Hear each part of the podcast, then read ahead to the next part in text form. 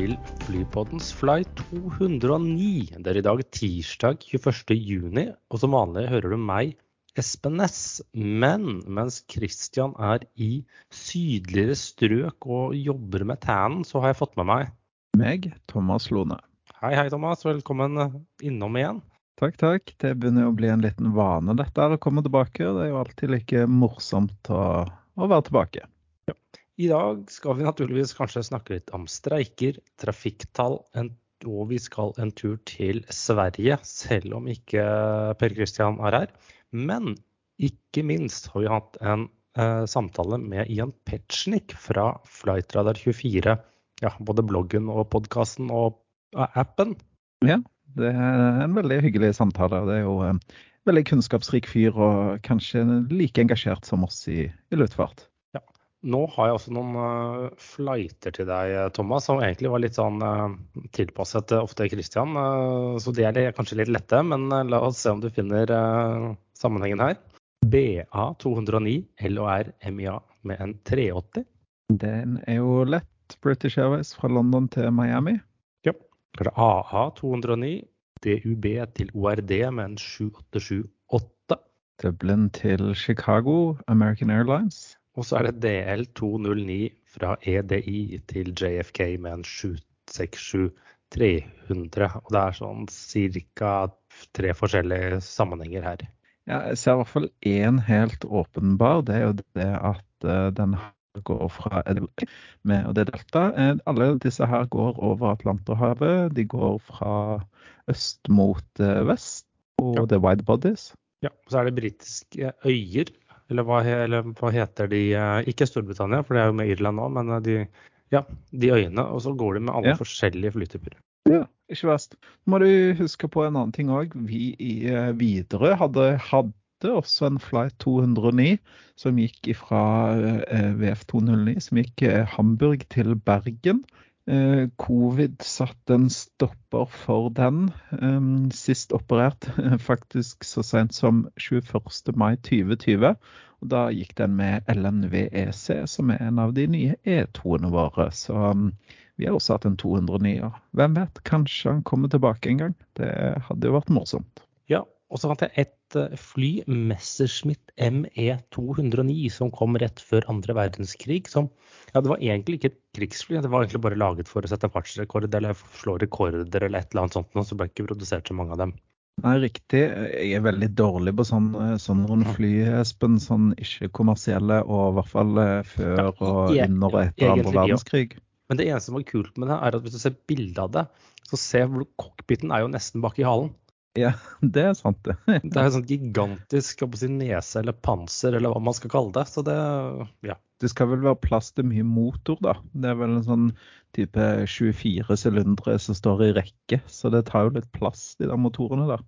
Men, Men jeg, vet vi... jeg, vet i hvert fall at du kan se etter dette her på um, det polske luftfartsmuseet i Krakow. Og jeg tror det flyet der var faktisk en del av Herman Göring sin personlige sånn samlekolleksjon. Så um, ja, det, dra, til, uh, dra til Krakow, så kan man se en Messerschmitt 209. Og så er det en kapring som Kapring er aldri gøy, men den har jo en litt morsom slutt. Men det var da Afrikaya Airways Flight 209 tilbake i desember 2016. Som skulle fra Saba til Tripoli i Libya. Nei, ble kapret, havnet på Malta. Eh, Om bord 111 passasjerer. Eh, men etter hvert så slapp de gisseltakerne av dem, og så ble vel dømt til en ja, god del i fengselsstraffa på Malta. Mm.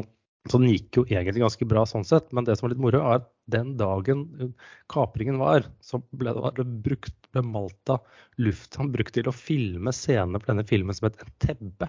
Som handler om denne 1976-kapringen av et Air France flight 239 og Operation Entebbe, som vi har snakket om før på flypodden.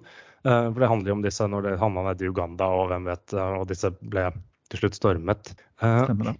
Og der den, den, det, resulterte jo der ble jo flesteparten av passasjerene reddet og de om gisseltakerne drept. Men også Men scenene fra de si, real life eh, som eh, dette Afrikaya-flyet som ble filmet, det ble faktisk da redigert og puttet inn i filmen om Operasjon Entebbe.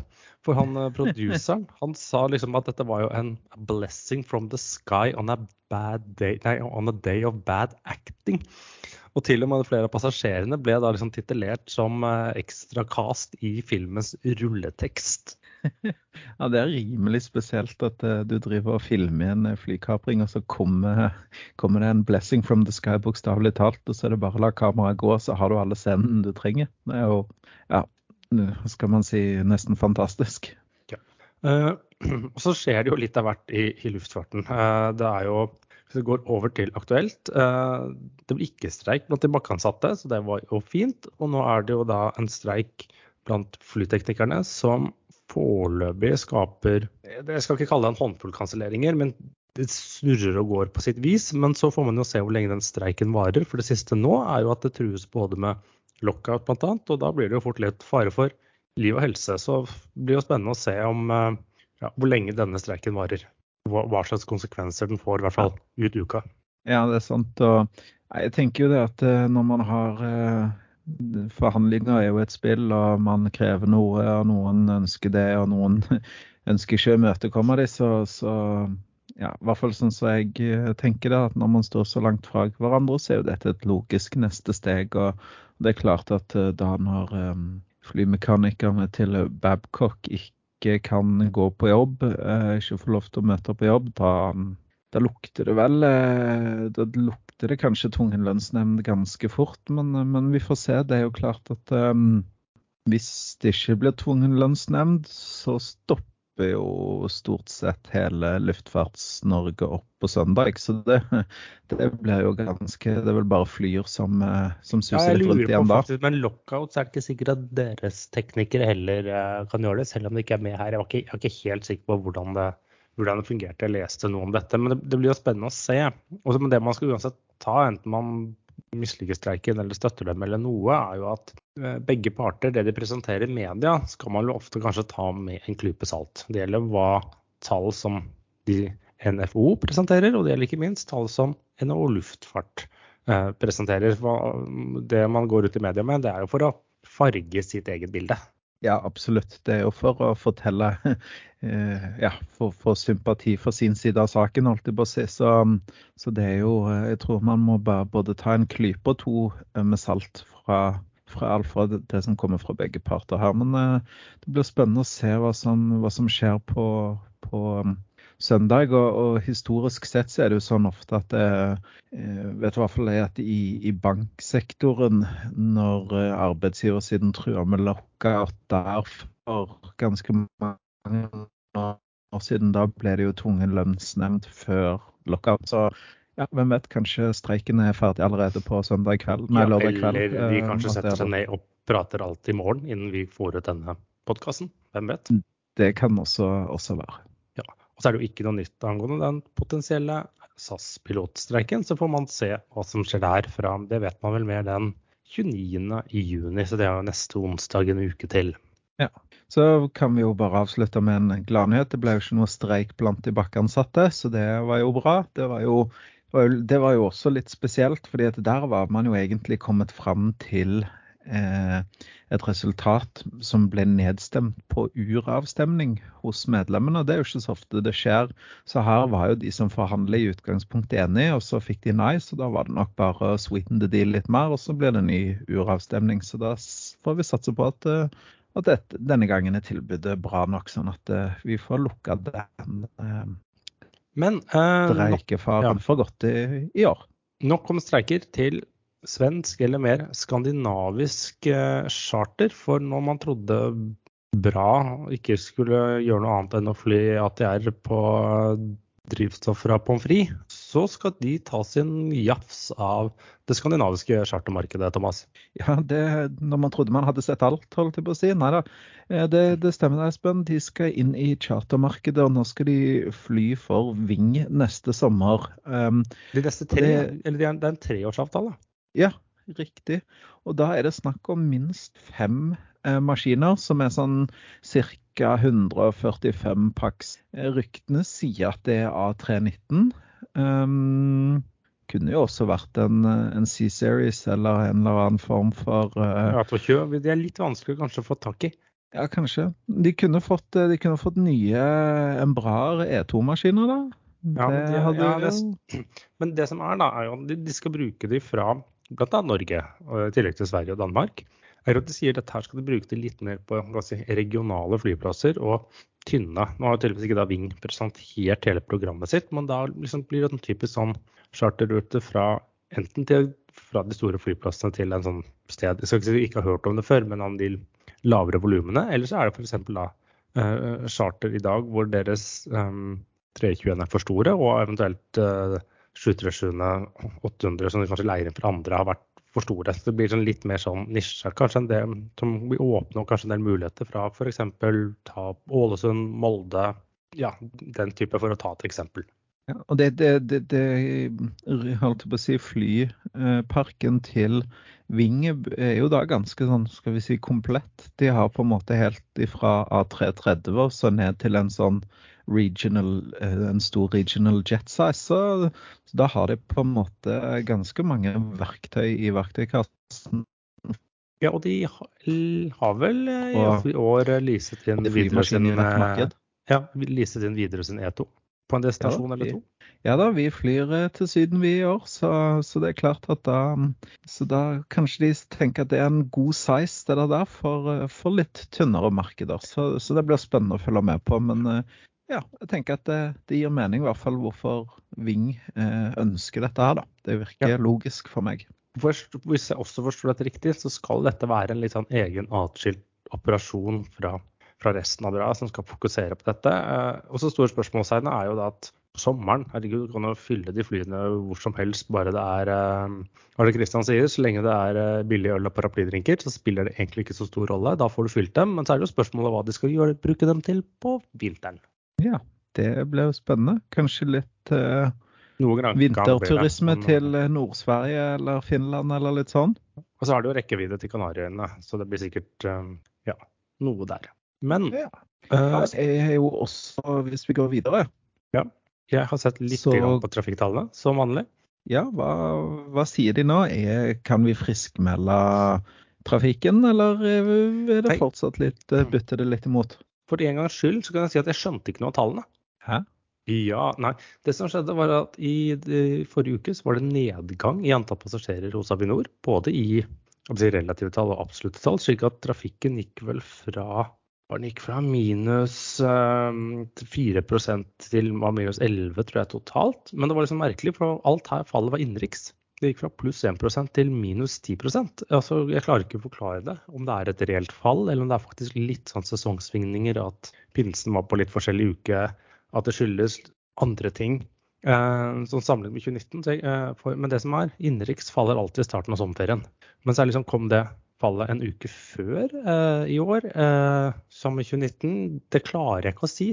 For utenriks holder seg på minus 18 men en vekst i liksom absolutte tall. Så den følger liksom den vanlige sesongsvingningen på et uh, lavere nivå. Og man trodde liksom at innenriks Dette er jo uh, Det bør ikke være noen merknader for flyteknikerstreiken, fordi den hadde vi ikke kommet i gang. Eller det var vel en kansellering på samme dag eller to, eller hva nå det var. Uh, men kanskje skulle tro at det er en del som holder seg unna en del utenriksdestinasjoner. Det er kanskje ikke så fristende å dra til Amsterdam eller Stockholm og stå fire timer i kø, men jeg klarer ikke å se noe der. Så jeg liksom ja, jeg skjønte rett og slett ikke helt tallene. Så man må, tror jeg vi må se, trenger en uke til eller to med tallene. Ja, Vi får se hva som dukker opp til neste uke, og så om man kan dra noen slutninger når man får litt mer data. Ja. Men når man er inne på eh, dukker opp, vi fikk jo en tips fra en lytter. eh, på da norsk register til Airwing har det dukket opp et kult fly. Ja, en eh, Piaggio P180 Avanti. Det er jo litt av en maskin. Ja, eh, og Denne ble jo dekket i vår eh, episode 180, eh, naturligvis, som man eventuelt kan gå tilbake og høre. For det er jo litt sånn kult. Vingene langt bak, to pusherpropeller og en sånn kanardvinge foran. Et, og litt sånn dråpeformet. Utrolig kult propellfly. Og en kul lyd. Hvis du noen gang hører det fly over deg. Da vet du at det er det flyet. Ja. Så det, dette var en 2005-modell som jeg tror ble registrert LNAWH var tidligere HBLTZ på sveitsisk eh, register, får man se hvor de Ja, den vil jo sikkert da bli brukt på ymse charter eller ymse mm, VIP-flighter ut fra OCL. Men det er liksom kult at de gikk for det. Men dette er jo litt sånn at Airwing, det var i fjor, de hadde jo hentet inn en del millioner og har jo planer om å vokse. Men det ser jo ut som de planer å vokse med å kjøpe litt sånn forskjellige flytyper. Ja, det, det er sikkert og visst. Nå, hvilke fly er det de har nå? Har de denne Avantien, og så har de noen Learjets? Ja, de har, de har flere Learjet, og har de en eller, en eller to av sånne de litt mindre Cessna Citationene? Hvis jeg ikke husker Ja, helt XLS riktig. eller ja. Ja, og så har de noe Ja, Beechcraft. nei. Beechcraft, jeg husker ikke om det er 200 eller 250 eller disse tomotors uh, propellflyene for litt uh, ja, rimeligere uh, turer. Nei, men den, eh, den Avantien er jo en eh, fantastisk kul maskin. Eh, Jeg tror nok det er litt sånn enten så elsker du han, eller så hater du han sånn utseendemessig. Men jeg, jeg, eh, jeg har ikke sett den i virkelig live, men eh, på bildene så syns jeg ja, den ser Ja, den er bare råkul, syns jeg. Så Og eneste på norsk register av den, jeg tror også det er første, uten at jeg er helt sikker. ja. Nei, men eh, da får vi gratulere Airwing med kjøpet, og satse på at den får eh, mange flytimer eh, i fremtiden. Men Eh, og så er det jo noe Det er ikke bare nye fly, men eh, det kommer noen nye ruter òg, eh, Espen. Og Eurowings har annonsert nok en ny rute. Norge. ja, eller nok Ja, vi har ikke hatt sånn kjempemange, men eh, de har jo Var det i fjor, så satte de opp en base i Praha. Og bl.a. lanserte til jeg tror det var København, men i hvert fall Stockholm og masse andre byer. Mye litt sånn Syden og litt sånne ting. Men de har da annonsert eller lagt ut for salg eh, fire ganger ukentlig Oslo-Praha, en A319, fra da vintersesongen tar til. Ja, så da, da blir det jo også en del aktører på Oslo-Praha. Du har vel um, Norwegian er der, Flyr er der. Jeg er ikke helt sikker på om Flyr er der, eh, hvor lenge de blir værende, eller om, de, om det var en av de som forsvant i høst, eller om den faktisk går ut. Den er jeg ikke helt, eh, helt sikker på. Uh, om det er ren punkt-til-punkt-trafikk, eller om de tilbyr noen videreforbindelser der. For de har jo liksom tenkt å Det er jo et lite hull i, i, i Praha. I og med at CSA er en skygge av seg selv og, og litt sånn- sånne ting. Og det er det Eurowings her forsøker å ta en, en bit av. Ja, det blir spennende. Praha er jo en destinasjon, så det er klart eh, har, de, har de priser som treffer folket der, så fyller de nok de maskinene der. Folk skal på julemarked til Praha, det er det ingen tvil om. Eh, og så kan vi gå videre. Vi eh, er jo litt sånn eh, Vi er jo litt av den oppfatning kanskje, Espen, at eh, allianser er vel litt eh, 1990 og 2000, men eh, Ja, og, og litt oppskrytt, for man kan sam samarbeide på andre måter, men eh, det gjelder ikke Oman. Eller Nei, de, de melder i dag, eh, ble det meldt. Um, For de som ikke vet det, så er det jo i mm, disse dager, eh, det er vel 20. og 21., så er det jo IATA sitt eh, årsmøte eh, for alle flyselskapene eh, som er medlemmer av IATA. Det er i Doha i, i Qatar. Så der kommer kommer de av og til litt eh, eh, annonseringer. eh, Og da kunne de bl.a. melde i dag da fra Qatar at eh, Oman Air de blir da med i One World fra 2024. Eh, skal de være en fullt integrert del av One World. Så da blir de, er de vel oppe i 13 flyselskaper totalt. Så det tar litt. tid at de først skal være med da i 2024. nå hørte jeg ikke, det hakka litt. Men det tar jo da sin tid hvis vi da først skal gå inn her i 2024. Så det er ikke gjort i en håndvending. Det var, jeg tror det var Alaska som gjorde det jo vesentlig raskere når de, de ble medlem i One World under pandemien. Ja, ja det, det er vel kanskje litt sånn forskjellig fra flyselskap til flyselskap eh, hvor mye tilpasninger på systemsiden og den type ting man må gjøre. da. Og, ja, kanskje Jeg kjenner ikke til disse prosessene, men det er vel kanskje noe en del krav som du må kunne tilfredsstille før du bærer med fullverdig medlem. og da tar det sikkert, har de sikkert gjort en gap-analyse og funnet ut at det vil ta ca. 18 måneder til to år for å om man skal bli med. Så da, da er de klare fra 2024, da. Så det er jo en sånn eh, MOU som har blitt signert, så det er jo ikke den MOU som ligger til grunn. Så da må vi jo anta det at, eh, At uh, de blir medlem av One World da, og joiner sånn som Alaska, som, som uh, gikk inn i One World i løpet av pandemien. så One World har jo hatt litt sånn utskiftninger de siste årene. noen har gått ut, noen har gått inn. så det blir sikkert en, um, en god signering for, for One World, dette her. Men som vi snakket om i innledningen, vi har hatt uh, storfint besøk fra sambandsstatene, har vi ikke det, Thomas? Jo, det har vi. Vi har hatt eh, en, skal vi si, en kollega, en podkast-kollega, som ønska, som vi spurte om ville snakke litt med oss. Og da sa han ja.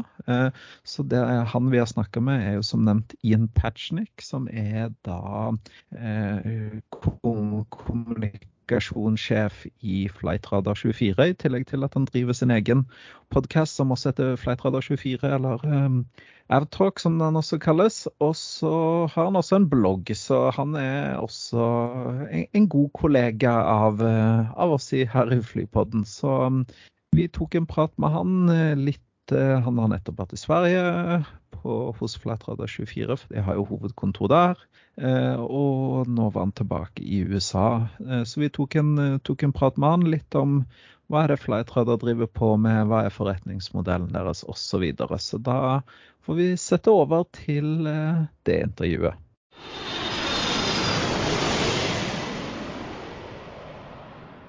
Welcome back, and today uh, we're not. Uh, I'm not the only guest in the podcast. Uh, we also have a guest from overseas, but you are now in our neighboring country, Sweden. Am I right, Ian Petchenik? Yes. Uh, th- thanks for having me. I, I, actually just flew home uh, over over the weekend. I'm back in Chicago. Okay, so it's uh, early afternoon in Chicago right now. Yeah. Exactly. Yes. Yes. It's uh, it was a, a nice trip. Uh, I was in I was in Stockholm for about a week and then have just returned home. So uh, two nice two nice flights on SAS. Yeah, you flew flew SAS uh, on the return flight as well. Yeah. Yeah. It, the um, during COVID or, or since the beginning of the pandemic, SAS had canceled the Stockholm Chicago nonstop. And so I, I, had been going via Copenhagen, but now the the nonstop flight is back, so I was able to take advantage of that. Did you get the That's... one kilometer of waiting lines for the security control at Arlanda? Or, so or it it was so all week. Um, I was when we when we landed in Stockholm, we waited uh, 49 minutes, 48 minutes, 49 minutes to clear immigration, uh, which is the first time that's ever happened. And so I was kind of nervous all week that the lines were going to be terrible. And uh, we Saturday morning we were leaving. It was supposed to be bad. We got on the the train to the airport, and the train announced it's not going to stop at the right the terminal that we needed to stop at because it's overcrowding and everything like that. So I'm I'm prepared. I'm ready. It's going to be terrible. We're going to have to wait in line. And the it was busy uh, in in the check-in hall, but it wasn't you know it wasn't terrible.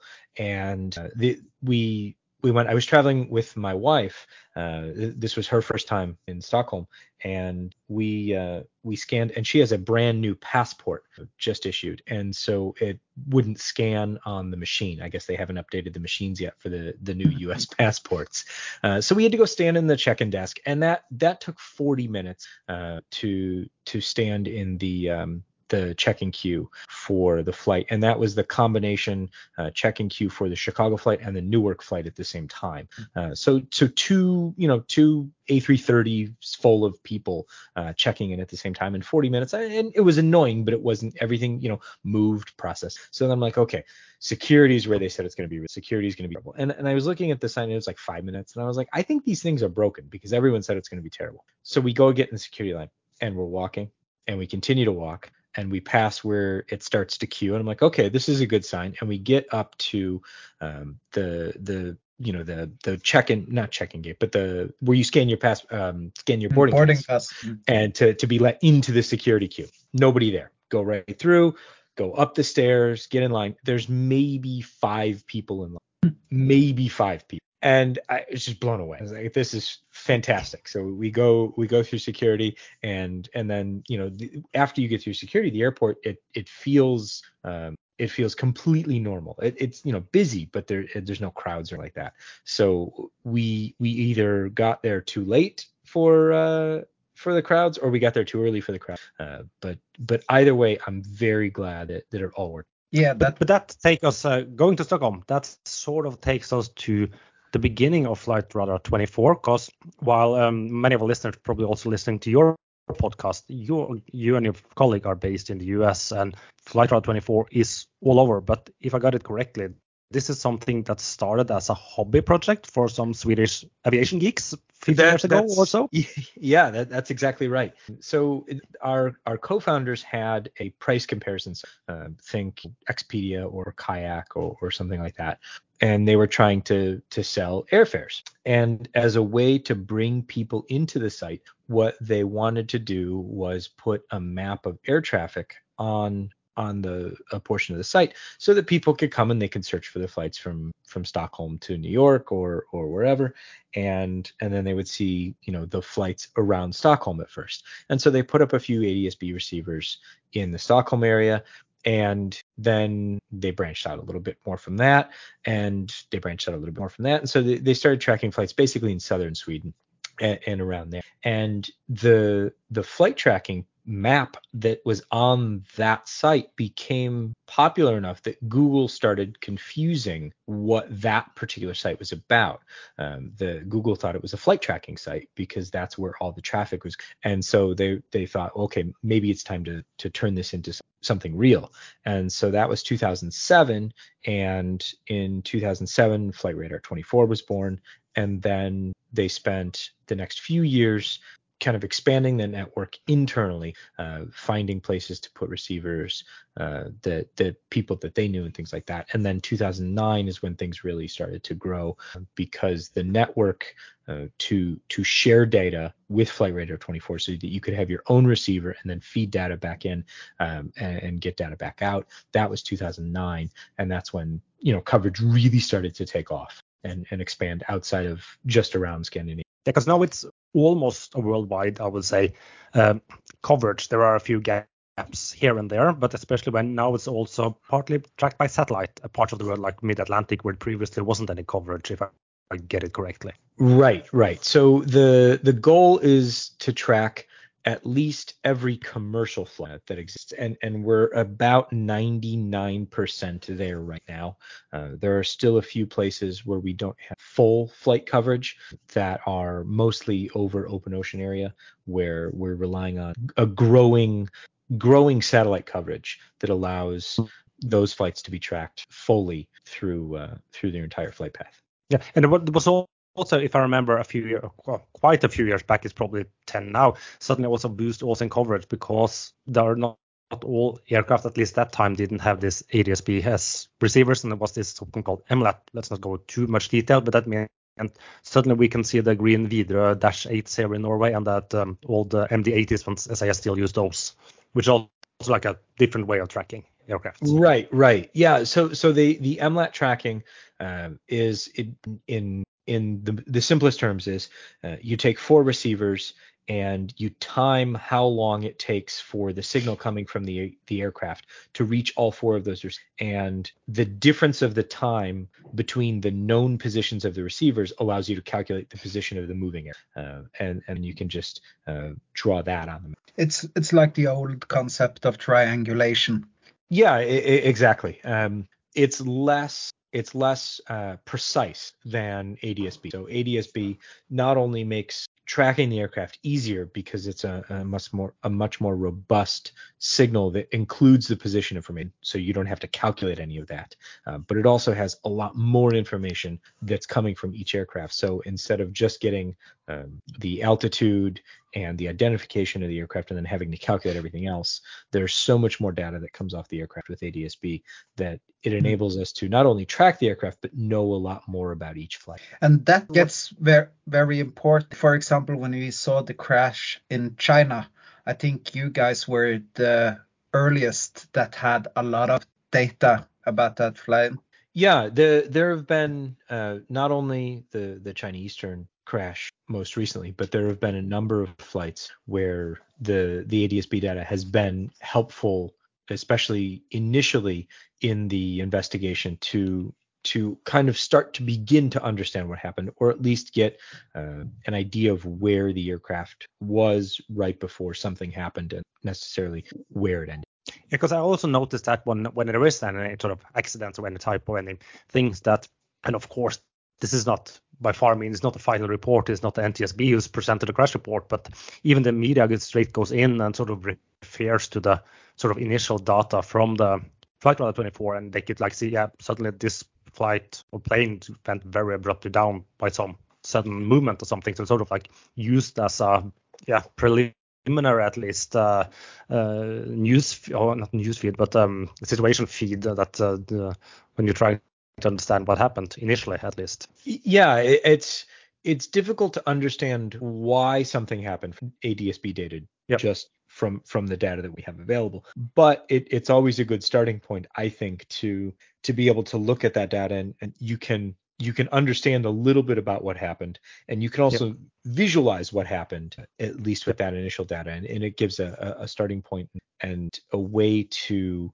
uh, kind of tamp down a lot of conjecture uh, and and rule some things out initially with the with the initial data. Yeah, well, I'd say, I said, it's, it's no way like the the final confl- confusion, but you, you and me and everyone, you can go in and you can sometimes look that didn't look good. Yeah, yeah, that's that. Yeah, that that's certainly um, I think a, a starting point. Uh, I have some questions about the um, business model of of Flightradar24. Sure. What do you? I know you can buy subscriptions, or if you are cheap like me, I can feed data to uh, Flightradar24 and get a business subscription. No, but, if you're if you're helpful and an aviation enthusiast, you can feed data.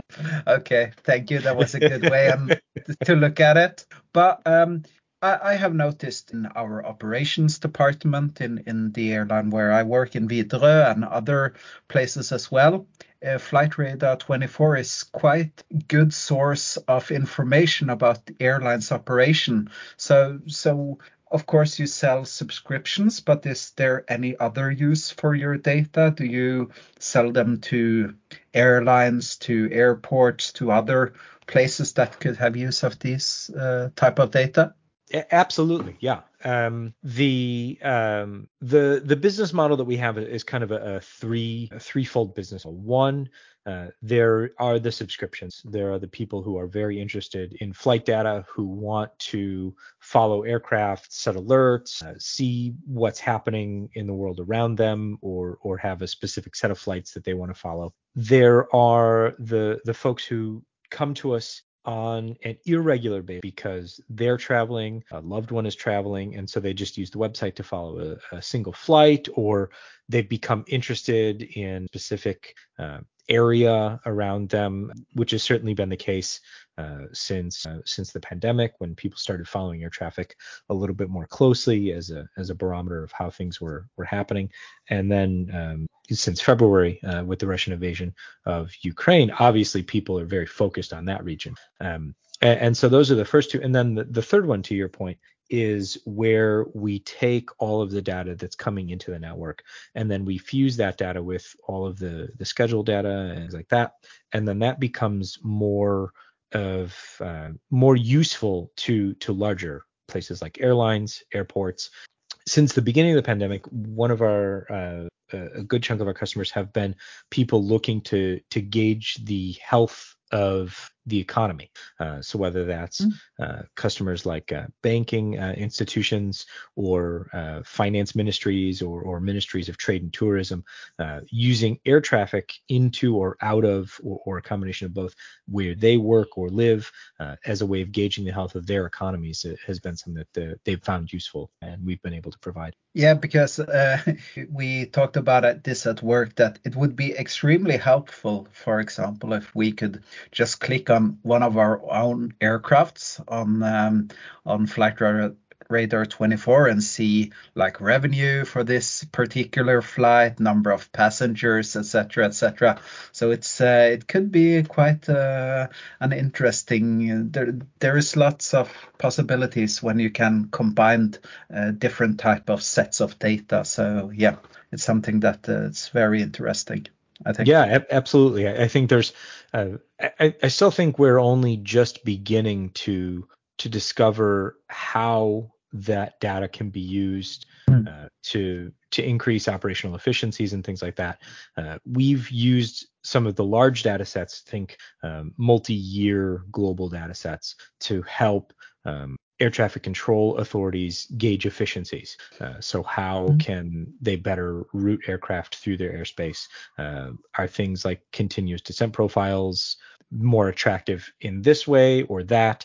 Uh, th- things like that, where where you need a large data set in order to to kind of run simulations to to see what the the most efficient way. And and my last question is that is this something that is of interest for the scientific community as well?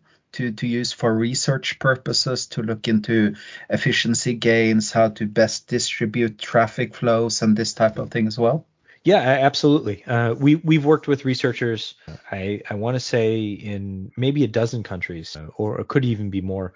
Um, that that look at they look at various things, uh, not only in in air traffic control efficiencies or operational efficiencies, but also environmental efficiency. Mm. So one of the one of the biggest uh, pieces that that we've worked on, and um, we'll we'll have more about this uh, on our blog soon, um, and and on our podcast, uh, we're going to interview one of the researchers. Uh, but they they put together using a multi-year data set uh, that we provided them with some other data. They put together uh, estimates for uh, for the global commercial aviation, actually global aviation uh, emission schema, and not just carbon dioxide, but all of the emissions, including uh, nitrous emissions and, and particulate emissions. So having these large data sets and then combining them with uh, learning from other areas is certainly something that I think we're going to start to see more. Cool. It's, uh, very, it's very interesting.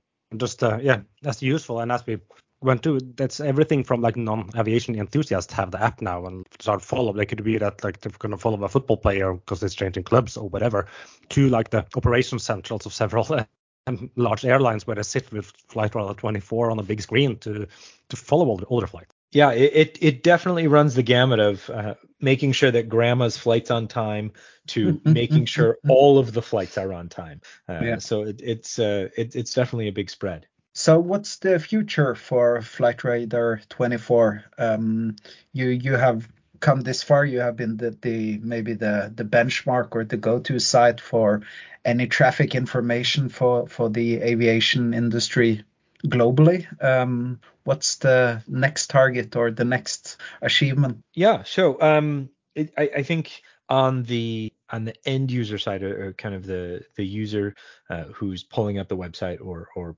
has the app on their phone. The the goal is to continually make it uh, easier to use uh, and you know add features. And so some of the things we're working on now, uh, we we released a, a a new bookmarks feature for the web. Uh, that'll be in the apps very soon. Uh, Android first, I think the releases in the next week or so, and then iOS. Um, and so you'll be able to do um, bookmarking on the web in your phone uh, wherever and then send it to the other so everything will be accessible across platform uh, and that's the biggest thing we're working on is updating all of our features to make sure that you can use them across the platform so eventually you know starting with bookmarks and then building out from there. So so think things like um, filters and and alerts and things like that. So eventually uh, everything that you're able to do on on the app you'll be able to do on the web and vice versa. Um, outside of that and and really for for everyone because more data impacts everyone uh, increasing the availability of the data. So expanding the receiver network is is always our top priority uh, in anything that we do. Finding new locations for receiver hosts, uh, expanding the folks, expanding the, the pool of folks who build their own receivers and, and feed data to to our network, and then finding new sources of data as as we increase the number of satellites that have ADSB receivers on them, finding a way to take advantage of that data, um, as well as um, finding new ways to to take in the data and understand what data we have. Are there other things we can do with that? Are there things that we're doing with the data that um, that we haven't done yet that we can make available to our users? So then, as in addition to, of course, Radar 24 That's the core thing. But how is this linked to the um, uh, the podcast that you run and also like the blog, which is more like for aviation use? What's the what's the link there? Because that they could technically be two very different things, but they are under the same roof. Yeah. Um, the the people that like to track flights generally are also interested in a lot of other things that are part of Asian. So so the the the podcast grew out of a basically a conversation that Jason and I, uh, my co-host on the podcast, have on a regular basis. Uh, we we chat throughout the week, and, and, we're always talking about things that sending past links and, and saying, "Hey, this is weird. Um, that sounds fun. Let's go do that. That doesn't make any sense. Why would they do that? Things like that." And and a few years ago, we thought, okay, why not why not take some of these conversations and record them and see if anyone else wants to and as it turns out people do um, they the the trust that people have in Flightradar extends to the trust that they put in us to provide them with uh, news that that we think is important enough so they they see it as worthy of a conversation. Uh, we're trying to be entertaining enough that people continue to listen and and I think we're doing a pretty good job of that. Um, and and so the, the the trust that gets put in the Flightradar24 brand then extends to the podcast and extends to the blog in, in the sense that we're using the blog to explain things that people might be seeing on Flightradar. Uh, what is Squawk 7700? What does air traffic control do? What um, what is a go around? What kind of uh, technical aspects of aircraft are people seeing on the site?